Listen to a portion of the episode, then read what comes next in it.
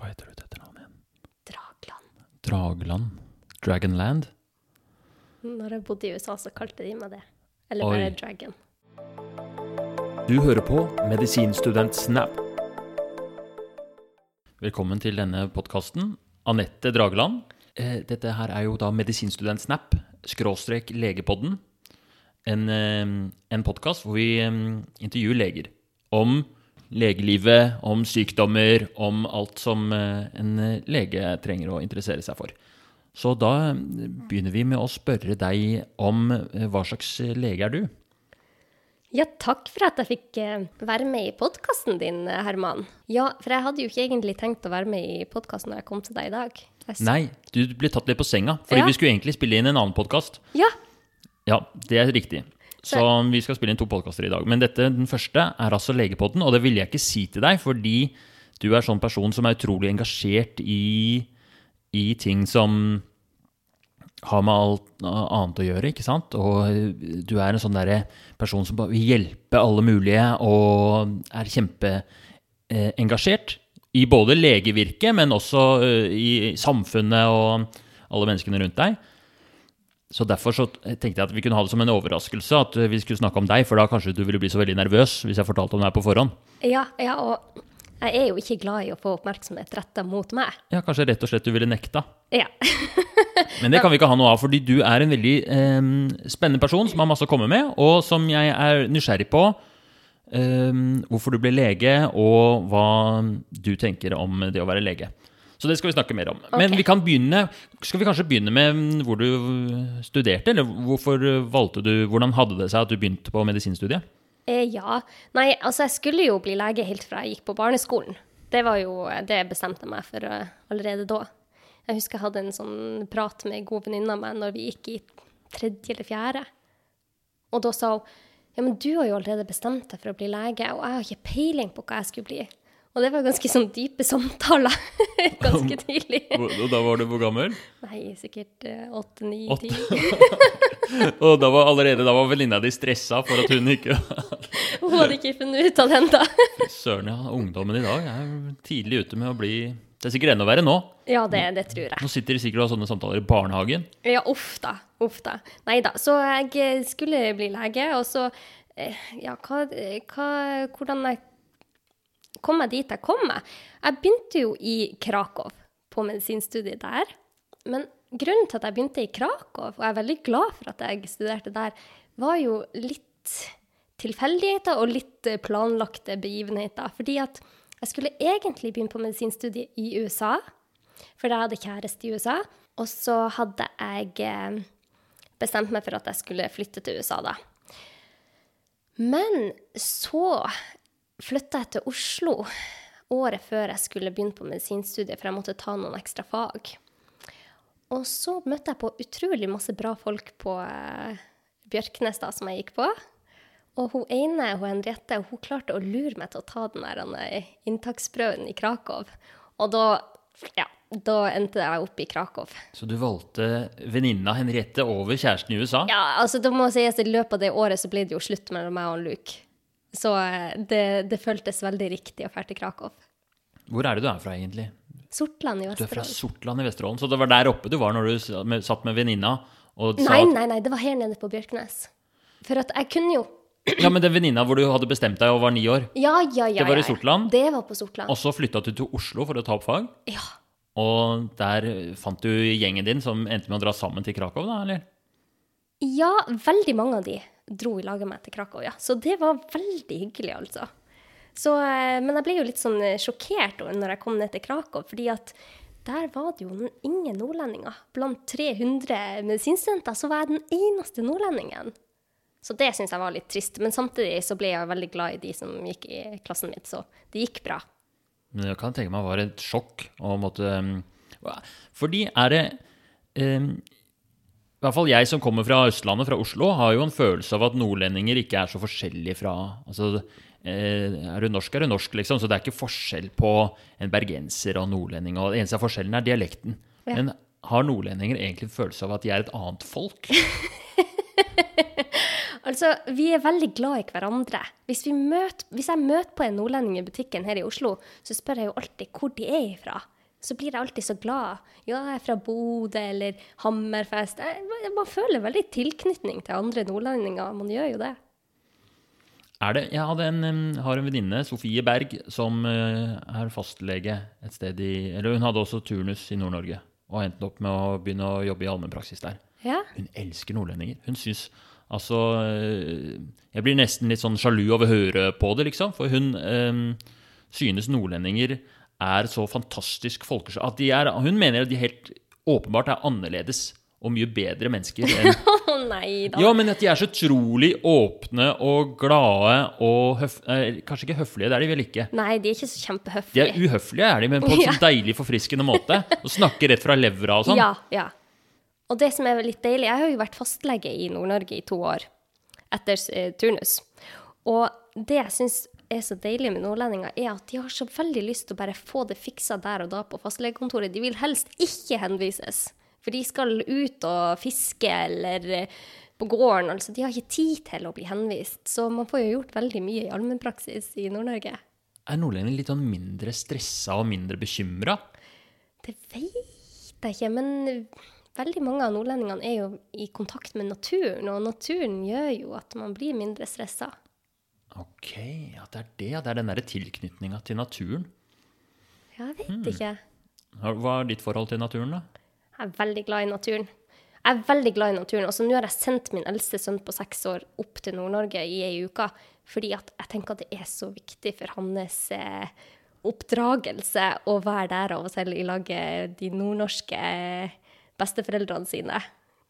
Så eh, Hva gjør han da? Er det han Nei, da er han masse ute og planter poteter og Nei, jeg vet ikke hva han gjør, men det er faktisk så viktig at vi har tatt han litt sånn ulovlig ut av skolen i ei uke. Oi!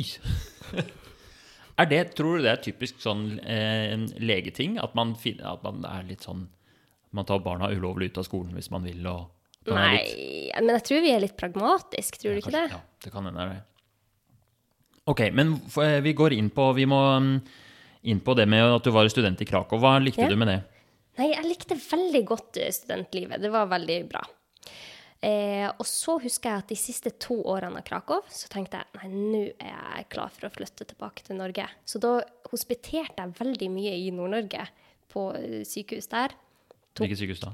Stokmarknes sykehus der jeg hadde fikk turnus. da. Og eh, ja, da fikk man jo virkelig prøvd seg som lege.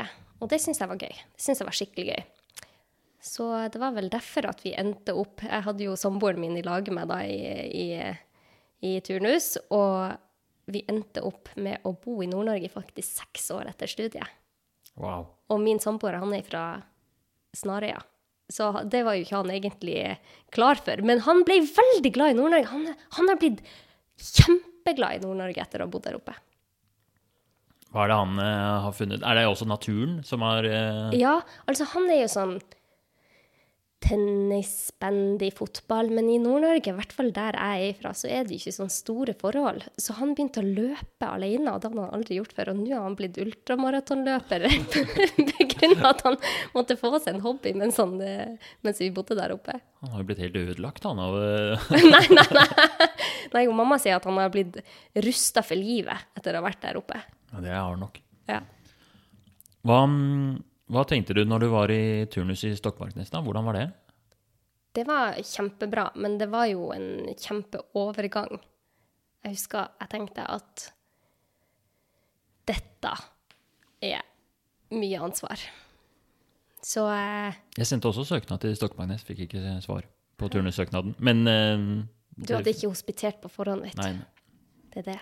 Det er knallhardt oppe i nord. Der må man virkelig komme på innsiden. Men hvor hadde du turnus? På Ullevål. Ah, ja, sant. Ja da, jo, jeg kosa meg i, på, i turnus på Stokmarknes, men det, det føltes veldig nært, for at mange av mine pasienter som kom inn på akuttmottaket, kjente jo jeg. Eller så kjente familien min de. Du var skikkelig på hjemmebane der. Ja, så det syns jeg var kanskje litt tungt, for jeg var ekstra engstelig når man kjenner det at å herregud, gjør man noe galt? Og man er jo allerede usikker nok når man er turnuslege. Men det gikk seg til.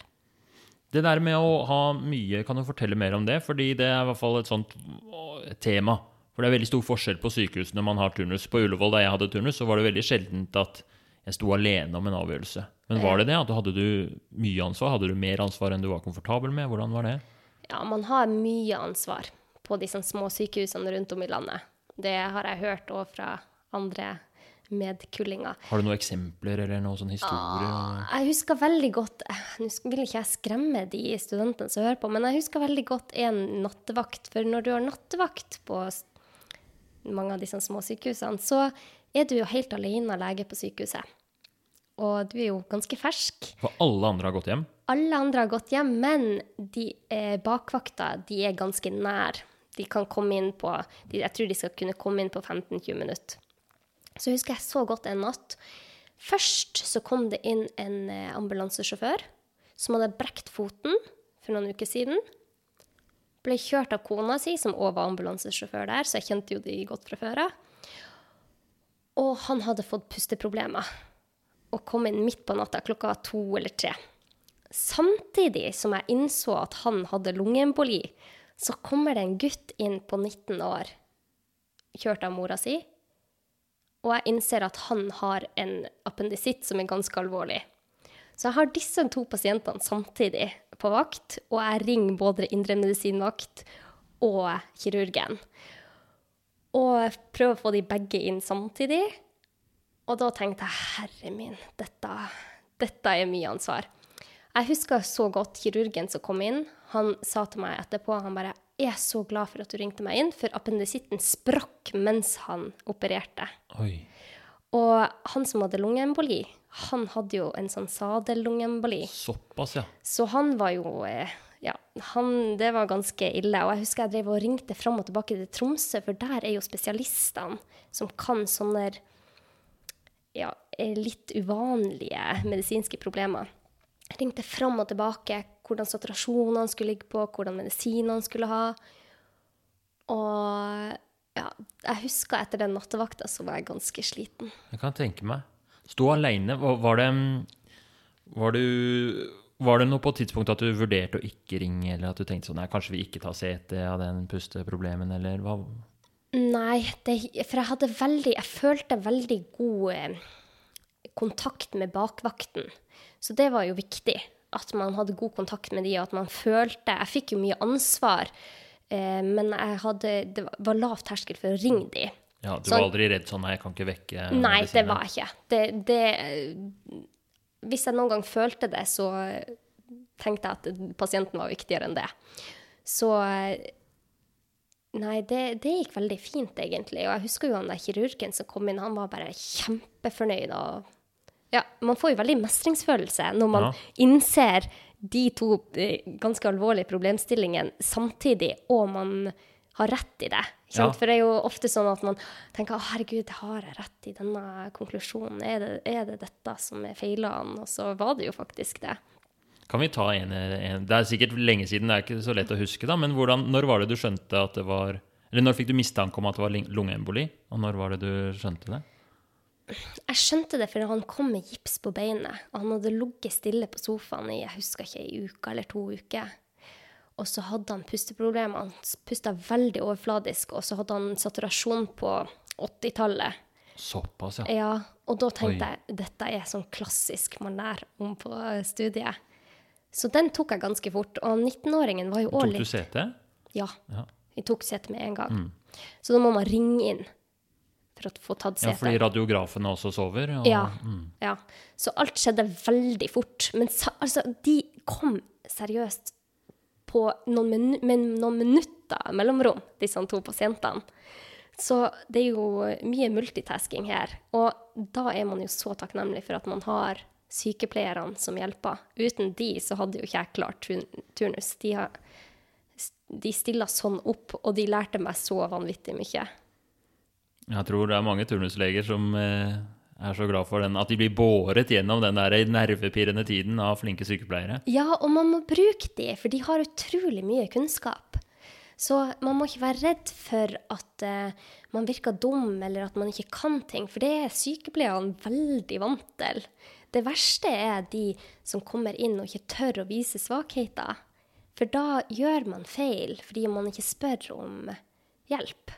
Har du noen sånne triks eller noe sånt du har lært for å få til akkurat det? Eller noen sånne ting du gjør, eller ting som du husker at du gjorde som fungerte bra? med i kommunikasjon? Ja, eller jeg vet ikke. Jeg blir jo veldig fort glad i folk, så jeg fikk jo veldig god kontakt med de jeg jobba med, både legene og sykepleierne og hjelpepleierne. Så ja, jeg tror det er viktig at man får et sånn samhold, da. For da føler de jo at de kan stole på deg. Det tror jeg òg, at, at man blir venner. Ja, At um, det er en sånn undervurdert uh, ting i, i helsevesenet. For ofte så snakkes jo ikke det om Eller sykehusene ledes jo ikke på den måten at um, nå skal vi sørge for å ha vaktlag og, og, og mottak og poster som fungerer sånn at folk blir gode venner, og at det er tett samhold. Det jo, man flyttes jo fra post til post, og det er bare så, vi trenger tre sykepleiere. og Man tenker aldri på om sykepleierne kjenner legen og vice versa. Nei. Men det er så viktig ja at man er godt kjent med hverandre. et godt team, rett og Ja. slett. For det kan jo komme ganske mye eh, merkelig inn. Jeg husker så godt en, eh, en episode. Det var en eh, eh, bonde som han og sønnen hadde kjørt en traktor, og så skulle, hadde de kjørt seg fast. Så hadde han, eh, sønnen gått ut og prøvd å lirke opp den der, han, hva heter den de kjører med, den framme, den der skuffen? Plogen eller skuffen? Skuffen, eller, ja. Og så had, prøvde han å dra den opp. Samtidig så klarte faren å kjøre framover. Så han kjørte rett i leggene, så han fikk jo brudd på eh, Ganske fint brudd da, på begge leggene. Tibia. Og eh, han kom inn Uff, uff. Han kom inn eh, og midt på natta. Og da husker jeg at jeg ringte bakvakt, som var i Da blir det eh, Nei, unnskyld. Da husker jeg at det var på kvelden, så jeg hadde fremdeles hun LIS-legen der. Og hun var ei god venninne av meg. Så og vi begge to prøvde å reponere disse leggene mens eh, flyet fra, eller ambulansehelikopter fra Tromsø skulle komme og hente han. Og der står vi og prøver å reponere, jeg og hun, mens jeg er høygravid, for da var jo jeg gravid med min eldste.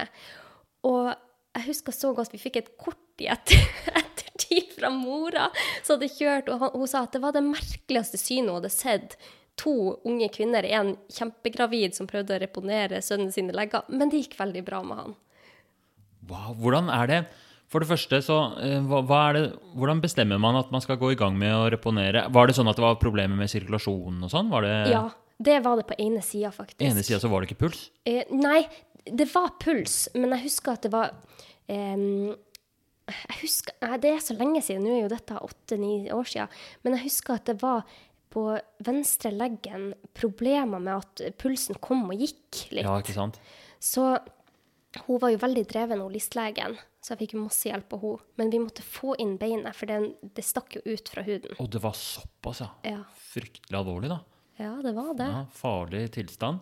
Ja. Men, og da dro, fikk dere til å reponere, da? Ja, vi, vi fikk det til, men det var jo sikkert ikke helt perfekt. Men det gikk veldig bra med han, for vi fikk han jo tilbake på etterkontroller. Hvordan smertelindra det? Husker du det? Det for det må jo ha vært var- fryktelig vondt? Ja, det var morfin, og ja, det tok jeg meg om. Vi hadde kjempedyktig anestesisykepleier som Ja. eh, hjalp oss. Og så må dere på en måte bare hale og dra i den Ja, ja, ja. beinet? Hvilken side sto du på? eller? Nei, vi tok én legg av gangen, i lag, da. En, og så begge holdt nede på leggen, og så sto den sykepleier og holdt inn kroppen, liksom? Ja. Fy søren, alt man må finne på som lege, alt man må gjøre, liksom. ja. Man må gjøre det beste man kan, da. Ja. Og som regel går det jo bra. Det er jo det som er så fint. For det er ikke, den der reponeringa virker jo helt sånn unreal, men det er jo ikke egentlig vanskelig. Det er jo ikke noe sånn øh, teknisk Nei, Du skal nei. jo bare dra jo stødig alt du kan, liksom. Eller ikke, ikke rykke den opp, kanskje, men sånn Det er bare holde. mekanikk, eller Ja. hva jeg skal kalle det. det. ene holder beina, andre drar så godt Mm. en kan for å få litt eh, spenn, eller hva det heter, og så får man det på plass. Ja, Det hørtes spennende ut. Ja. Jeg syns sånn eh, reponering og brudd og, og Eller det aller gøyeste, syns jeg, det er sånn um, å, å få tilbake ting som er ute av ledd. Ja, jeg synes. Skulderluksasjoner. Åh, jeg liker det så godt. eh, hva syns du om pulled elbow? Aldri hatt. Har du aldri hatt det? Nei. Og det har jeg to ganger. Det er det beste. Pulled elbow, da, til de som ikke vet det, så er det, det er albuen ut av ledd. Det er en tilstand som skjer hos eh, barn. Jeg husker ikke hvilken alder det er, men de er sånn syv-åtte eller noe sånt. Ja. Og det skjer ofte de som Hvis du vet, hvis du har foreldrene eh, skal drive og, En mamma og pappa på hver side som holder barnet i armen, Ja. og så slenger de fram og tilbake. Ja. Eller, eller mamma som sier 'Nå må du komme ut av butikken', liksom. Og så De er kanskje yngre, kanskje det er sånn fem-seks år. Ja. Ja, anyways. Eh, barnet får dritvondt og har um, albuen i flektert og kommer inn og og man tror det er brukket eller noe sånt. Men ofte på sykehistorien så kan man skjønne at det er pulled elbow. Og så er det en sånn manøver hvor man eh, Skal vi se. Man flekterer, og så supinerer man. Og så ekstenderer man, og så Ja, pronerer. Ja, det husker jeg! Um, ja, jeg tror det er Det må dere dobbeltsjekke, for jeg vil ikke si feil. Men i hvert fall, når man bare gjør det, så, hører, så kjenner man i albuen at det sier knepp, Ja. og så er albuen på plass. Og fem minutter etterpå så har barnet ikke noe vondt lenger, og alle er bare sånn woho! Og så har du løst problemet, og så kan de gå hjem. Det Ja, er så deilig. Fordi foreldrene tror jo at armen er brukket når de kommer inn, fordi du får ikke lov å røre på den. Barnet er jo helt i panikk fordi det gjør så vondt. Ja, nei, det er beste Ja, men det er veldig tilfredsstillende å kunne hjelpe noen her og nå, Ja. én gang. Ja. Det er jeg òg veldig glad i sånt.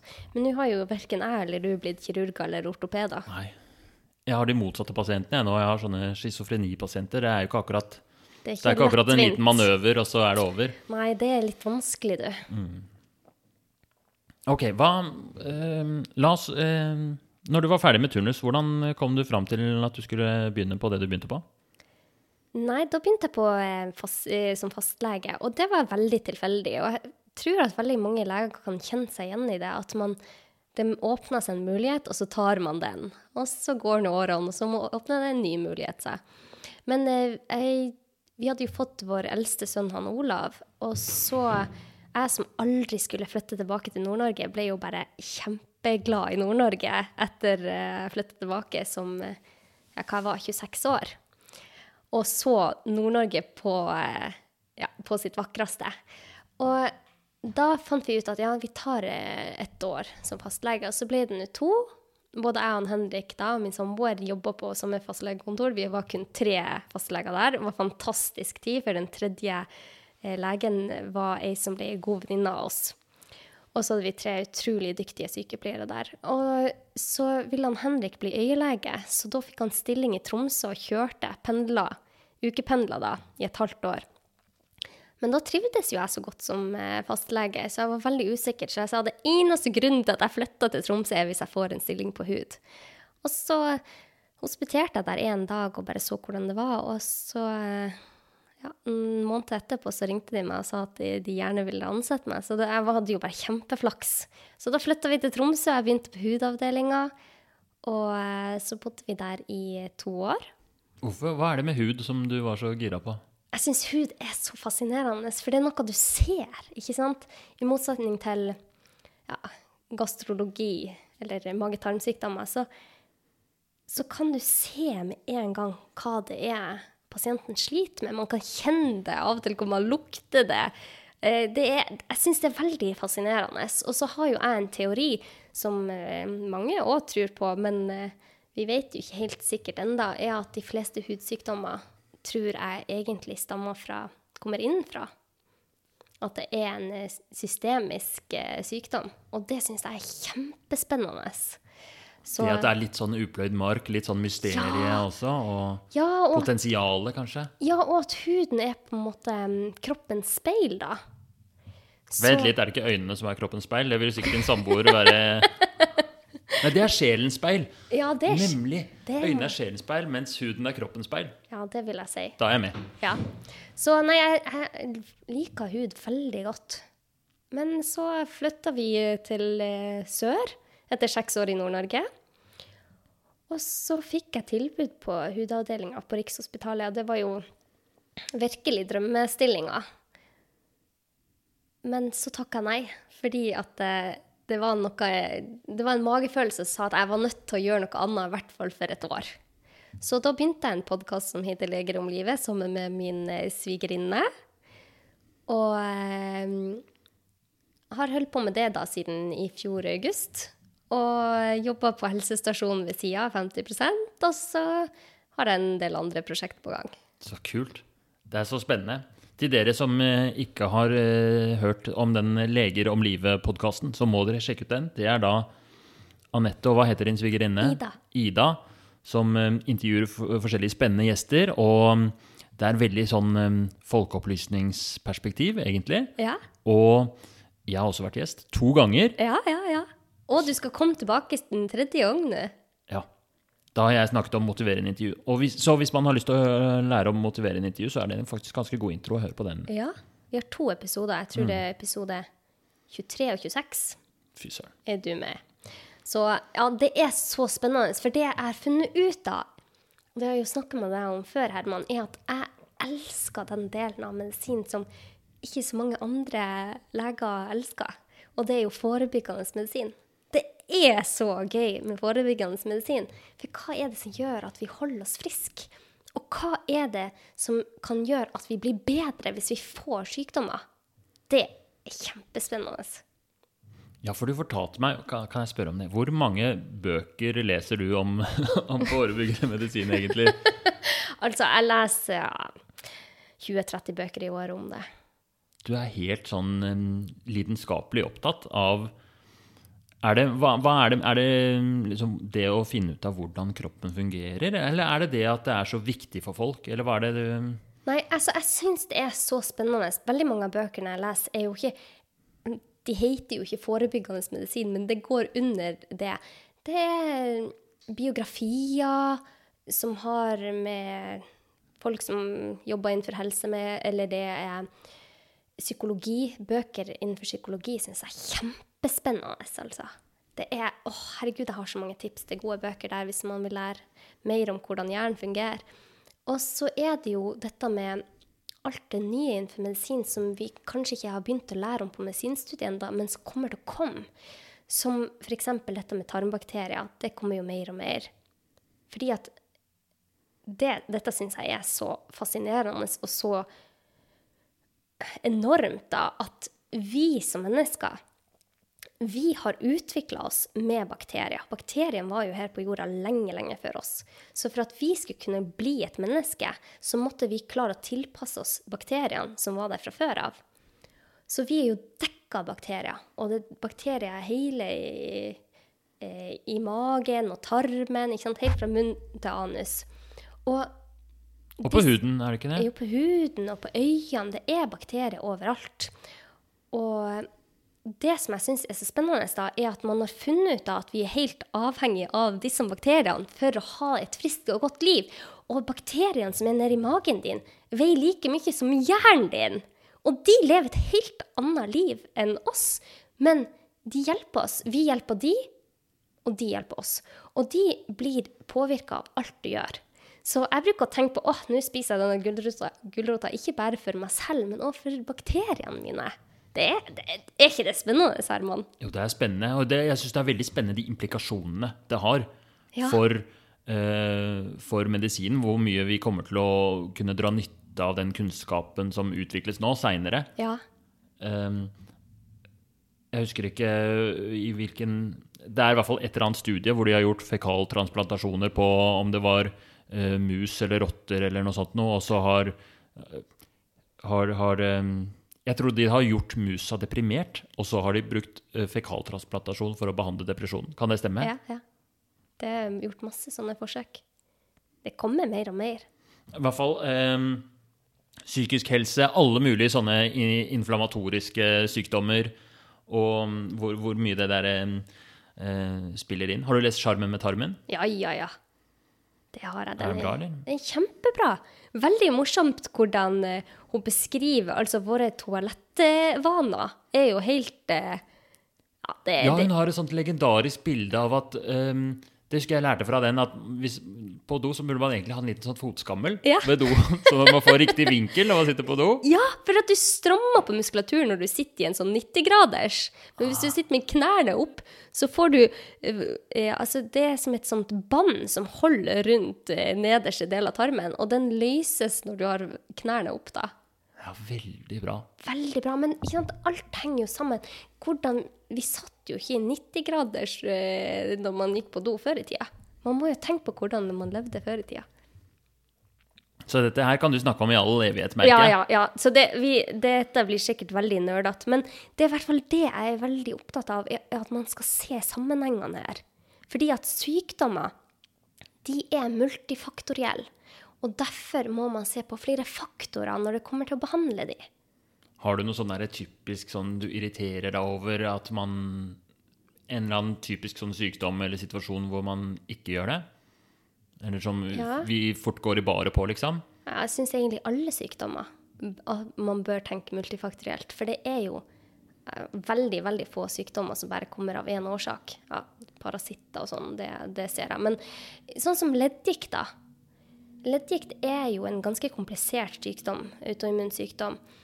Men vi ser jo nå at eh, mange autoimmune sykdommer er relatert til eh, tarmbakteriene våre. Vi vet at eh, sykdommen kan bli verre ved stress, søvn. Altså, vi må jo se på alle disse faktorene òg når vi gir et behandlingsregime, tenker nå jeg. Så det er jo derfor jeg, vi har laga denne podkasten, for da kan de komme inn og bare høre en episode om la oss si stress, da. Hvordan man kan håndtere stress, sånn at man kan få det bedre. Ja, for du skulle ønske at hvis du som pasient kom inn og har leddgikt, Ja. eh, eller har eksem, så istedenfor å bare få salve eller bare få en brellsprøyta di, liksom, Ja. at det ble, var litt mer um, helhetlig opplegg, hvor man snakker om søvn, man snakker om stressmestring, kanskje man går inn og, og ser om det er noen psykologiske mønstre som skal eh, jobbes litt med. Ja, det hadde jo vært kjempebra. Men jeg ser jo at det kan være vanskelig, for det tar tid. Men ja, det var i hvert fall derfor at eh, en av grunnene til at vi starta den podkasten, var jo for at ja, Nå var det ikke meninga å reklamere for den podkasten, men jeg må bare forklare hvorfor jeg brenner så for det. er for at da visste jeg, når jeg gikk tilbake på Hud, så hadde jeg én episode for hver ting. Men nå har det jo balla på seg. Men sant, hvis jeg fikk en pasient som var deprimert samtidig som han hadde psoriasis, så kunne jeg gi han en episode om depresjon og hva man kan gjøre for å få det bedre. For det vil òg hjelpe han psoriasis. Eller hvis jeg har en kvinne Vi har jo mange unge mennesker på hud, for vi blir jo òg spesialister i venerologi, altså kjønnssykdommer. Og det er mange av disse som har mye skam rundt f.eks. fått klamydia. Men det kan jo skje, den beste. Det kan skje den beste. Nettopp. Så da har jeg, eh, skal vi lage en episode nå om skam. Fordi at vi, jeg tror vi kjenner altfor mye på skam rundt egen kropp. Ja. Nei, det, jeg syns det er veldig spennende og så bra at du lager den podkasten. Og det er en fin måte å eh, Jeg syns det virker litt som når man er lege, så tror jeg vi har veldig sånn følelse at det er et felles kunnskapsgrunnlag som man lener seg på når man setter diagnoser og gir behandling. Men akkurat den der delen hvor man skal informere pasienten og komme med råd, så er det litt sånn som, som om man på en måte Jeg tror for mange så blir det sånn at man finner ut av det sjøl, lite grann. At hver og en Man får ikke så mye opplæring i hva skal jeg si egentlig til um, hadde for eksempel, Forrige gjest på Legepodden var en dame som var ekspert på bipolar lidelse. Ja. Og jeg var med henne med en pasient hvor hun um, hadde um, pårørende og pasienten inne og fortalte om hva kan dere forvente av hvordan forløpet blir, hva burde dere gjøre, hva er viktig, dere burde sånn og sånn. Og hadde så mye sånn utrolig viktig informasjon og utrolig Eh, altså den, den timen var så utrolig viktig. Det tror jeg betydde mye for hvordan livet til den pasienten blir i mange år framover. Ja. Det var en eh, altså en 18 år gammel jente med alvorlig bipolar lidelse for sånn vanvittige svingninger Ja. og dype depresjoner som varer lenge, og helt sånne voldsomme maniske episoder. Og mm, bare det at man eh, får pårørende der og får gitt den informasjonen der og da, får oppklart misforståelser, misforståelser og Ja, det har så mye å si.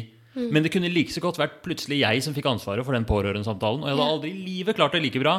Ja. Så, så akkurat det der å, å sette pasientinformasjon sånn i system er kanskje noe i hvert fall Jeg har på følelsen at den der podkasten din er, et, er noe som er en kjemperessurs. Ja, ja, det er veldig hyggelig at du sier, men det er så spennende at du uh, snakker om det. Fordi at vi, har, vi leger har veldig forskjellige kvaliteter, og vi kan ikke være eksperter på alt. Så kanskje etter hvert at man uh, da ok, man ser at å nei, jeg kan ikke så mye om depresjon, men jeg kan kjempemye om eksem. Så kan jeg behandle det, den eksemen fra det jeg kan, og så henvise videre at det er lett å henvise videre til hva hjelper med depresjon? Hvordan påvirker Hvordan er tarmfloraen din? At man har noe man kan henvise som kan dette med å se på helheten. Fordi at det er så mye man kan gjøre selv, og jeg er veldig opptatt av at man gir pasienten ansvar selv.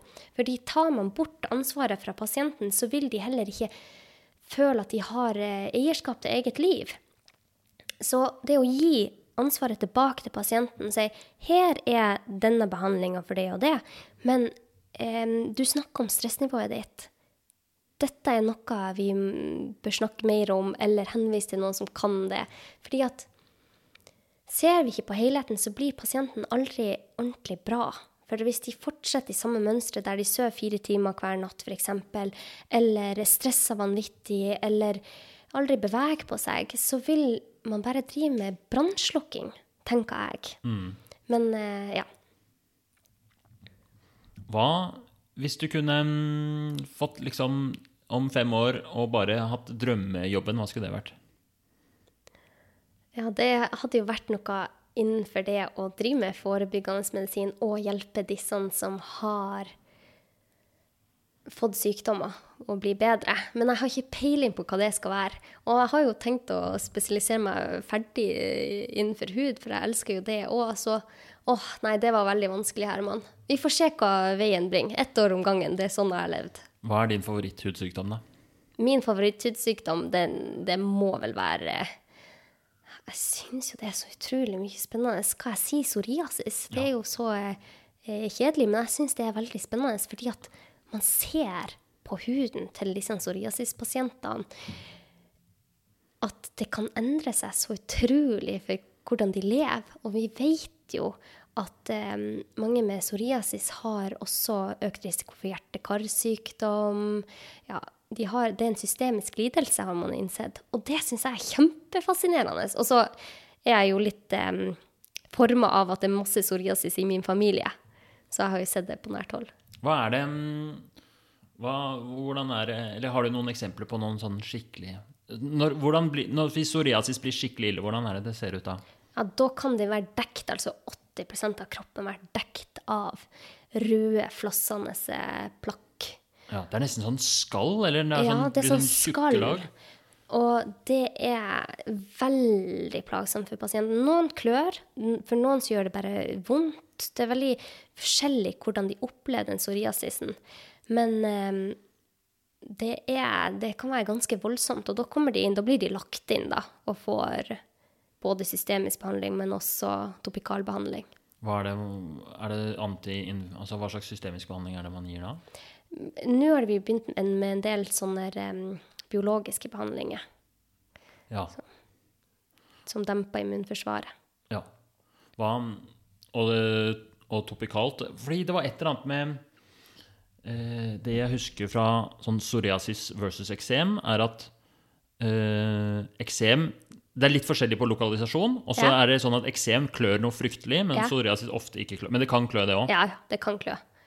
Det er litt en myte det der at det ikke klør. Og det husker vi lærte på studiet, og det er veldig mange som lærer det, at eh, psoriasis ikke klør, men det gjør det absolutt. Og det jeg syns er interessant med psoriasis, jeg er jo veldig Altså, mitt hjerte er for disse unge pasientene. Fordi at når man får en hudsykdom som ung, man har nok å tenke på i tenårene og tidlig 20-årene. Man er nok usikker på seg selv, og så skal man i tillegg ha hudplagene som vises, alle kan se det.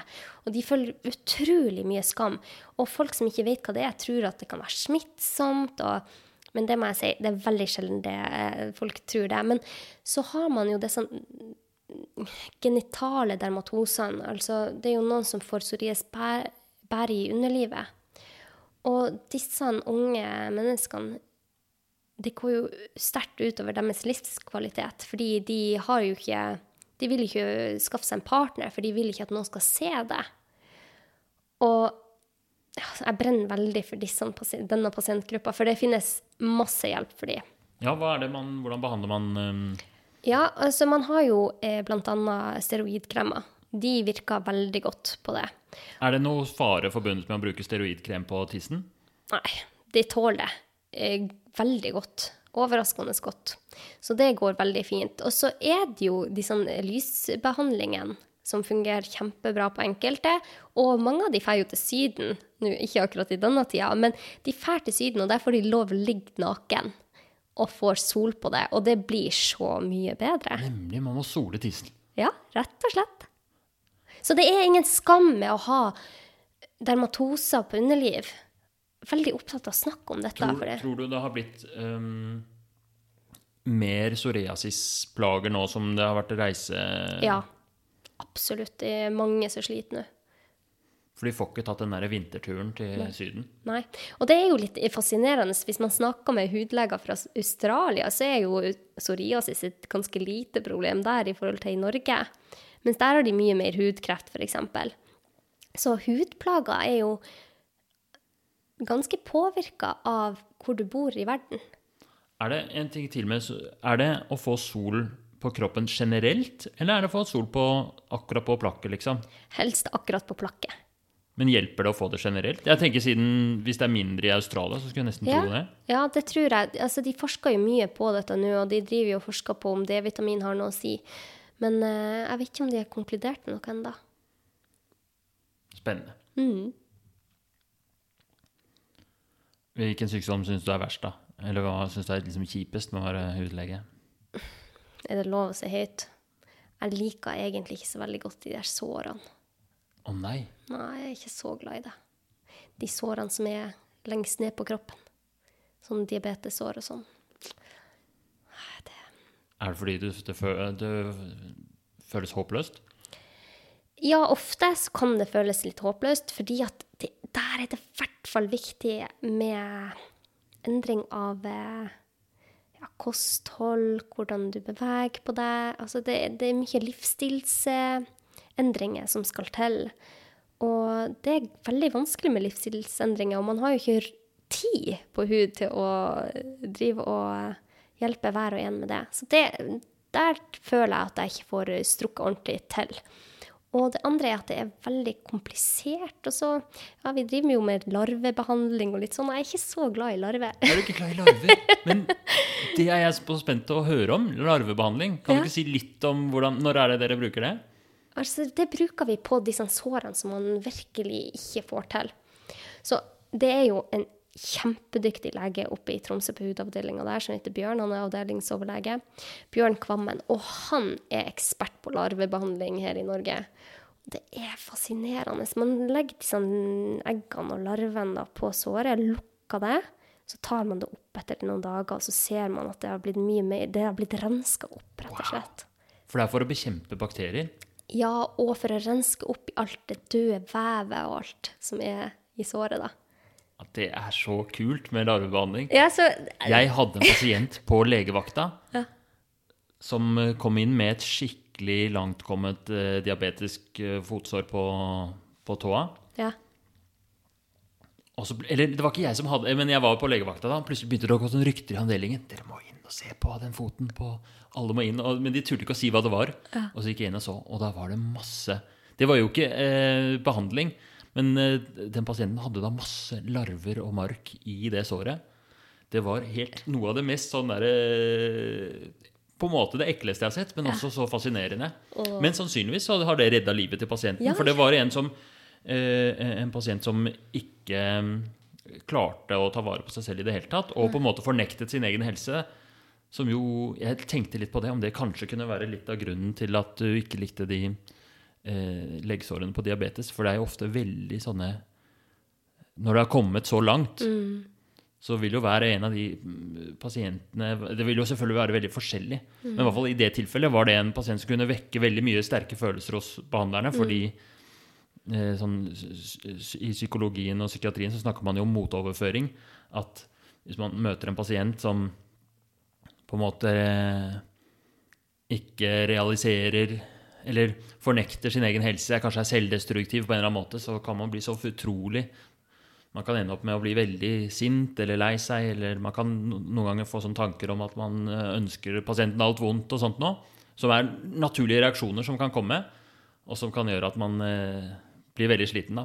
Men uansett, de larvene som var i det såret, har jo sannsynligvis redda den altså vi måtte, eller Pasienten ble sendt til Ullevål og måtte amputere en del fingre. og sånt. Nei, Ja. tær, mener jeg. Ja.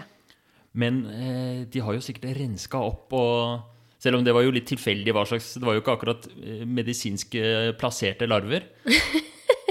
Men man, det var mange av de, og de kikket opp fra såret, liksom. Og de var lange. De var sånn en centimeter lange. Små sånne larver som drev og kikket opp. Å, fytti rakken.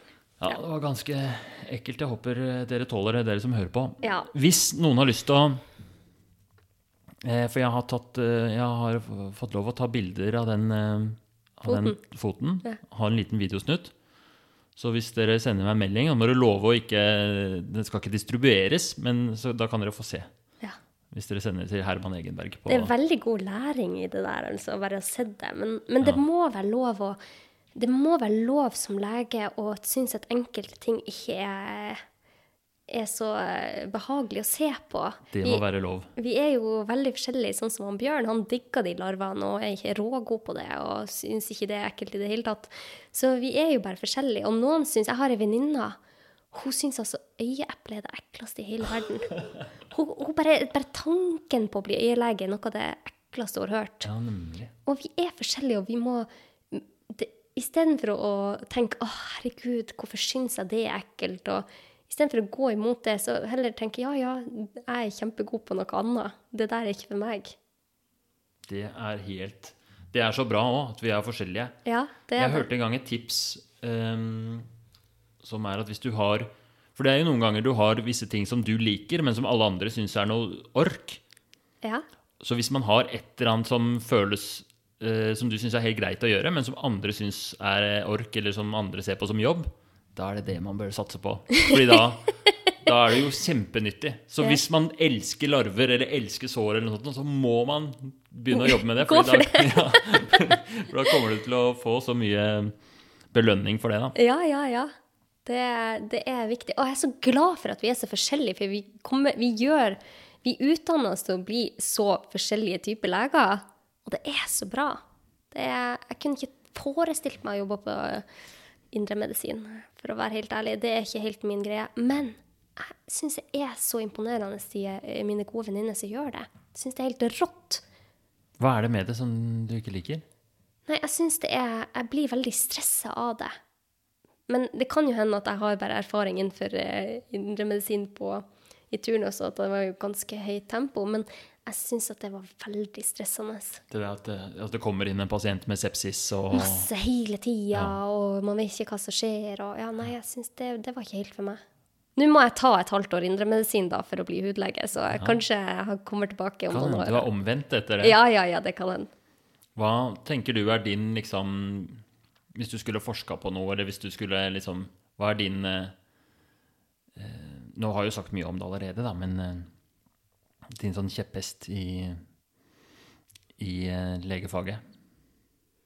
Ja, jeg hadde syntes det hadde vært kjempespennende å forske på, la oss si, fekaltransplantasjon og psoriasis.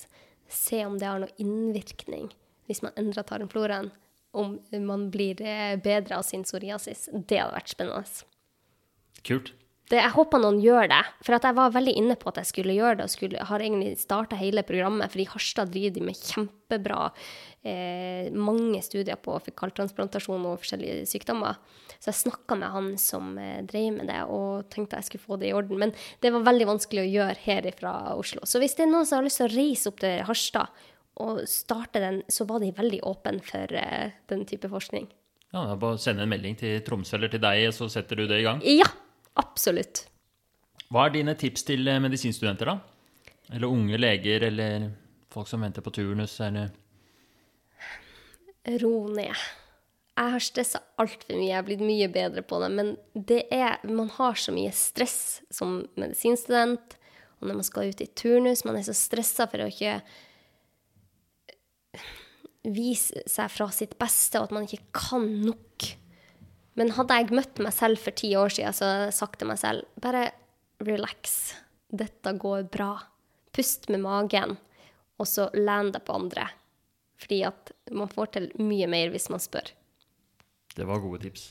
Jeg tror også at det er så mye Jeg, i hvert fall for min egen del, hadde så mange eh, Eller så mye stress opp igjennom. Noe av det var vel at hele tiden under medisinstudiet, og også i turnus, og faktisk også nå, litt, nå som uh, legespesialisering, så går man hele tiden og tenker at uh, at man er på vei mot neste steg. liksom. Man skal hele tiden videre. Ja.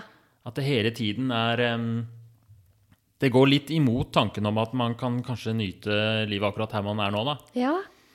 Så jeg, og fortsatt på LIS også, så må jeg liksom prøve å jobbe litt med å, å tenke at det er faktisk nå som Hvorfor er ikke dette her beste tiden i mitt liv, liksom? Ja, Hvorfor ja. skal jeg vente til jeg blir overlege, eller vente til eh, et eller annet før jeg kan sette meg ned og nyte litt? For vi er så opptatt av å nå disse målene. Jeg tror vi leger spesielt er det. Og bare vi får turnus. Jeg husker jeg tenkte bare jeg får turnus, altså. Da er livet made. Men så har du turnus, og å, bare jeg får én jobb som eh, lege etter turnus, og så får man det. Og så bare, jeg får jobb på hud. Man strekker seg hele tida. Så når jeg takka nei til stillingen på Riksen, så gikk jeg veldig imot min egen uro, for man vil jo bare bli ferdig med neste steg. Og nå utsetter jeg jo den spesialiseringa. Men du har så mye tid. Du skal jobbe i 30-40 år etter du er ferdig student. Og det, Og det er mye, ass. det 40 år er mye! Og det å jobbe som overlege da i 30 år, det, hva det gjør da at du ikke fikk turnus og måtte vente et halvt år, og kanskje gjorde noe annet kult imens? Jobba på en eller annen skatepark, eller altså, jeg vet ikke. Gjør et eller annet. For jeg har veldig trua på at det gjør ikke noe at du må vente på den neste stillinga, for det, du får mye erfaring i det du gjør uansett. Og vi hadde jo flere på kullet som var mye eldre enn eh, enn oss andre, da. Og de hadde masse bra erfaring og var mye mer rolig på ting. Så ja, du har masse tid i verden. Det var gode tips. Tusen takk for at du stilte på eh, Legepodden. Veldig hyggelig å bli invitert. Eller jeg ble jo ikke invitert, jeg bare kom inn hit, så sa du 'jeg skal intervjue deg i dag'. Ja. Hvis eh, dere som hører på, har lyst, så kan dere gjerne høre mm, på Leger om livet, som er Anette og Ida sin uh, podkast. Den er helt fantastisk. Særlig de to episodene med meg Ja, ble de- veldig bra. Og mamma syns de er kjempebra. Ja, hun liker de med meg mest, Ja, ikke ja, sant? ja, ja, absolutt. Og i tillegg så skal vi spille, eller vi, når du hører dette, så er, ligger den ute, en episode på eh, podkasten en intervju, hvor vi snakker videre om eh, levevaneendringer, særlig med tanke på fedme og overvekt. Og vi skal, i den episoden skal vi gjøre en liten eh, eh, analyse eller eh, anmeldelse, eller i hvert fall bruke den NRK-serien Eit fett liv Ja. um, med P3-Ronny som et slags utgangspunkt hvor vi skal snakke om det. Der kommer det til å bli mye snadder, det er jeg helt sikker på. Det blir bra. Tusen takk for at dere hørte på, og ha en fin dag videre. Ha det. Takk for nå. Vi er Medisinstudentsnap. Følg oss på Instagram. Der har vi quiz hver dag og mye annen medisinsk moro. Ha det bra!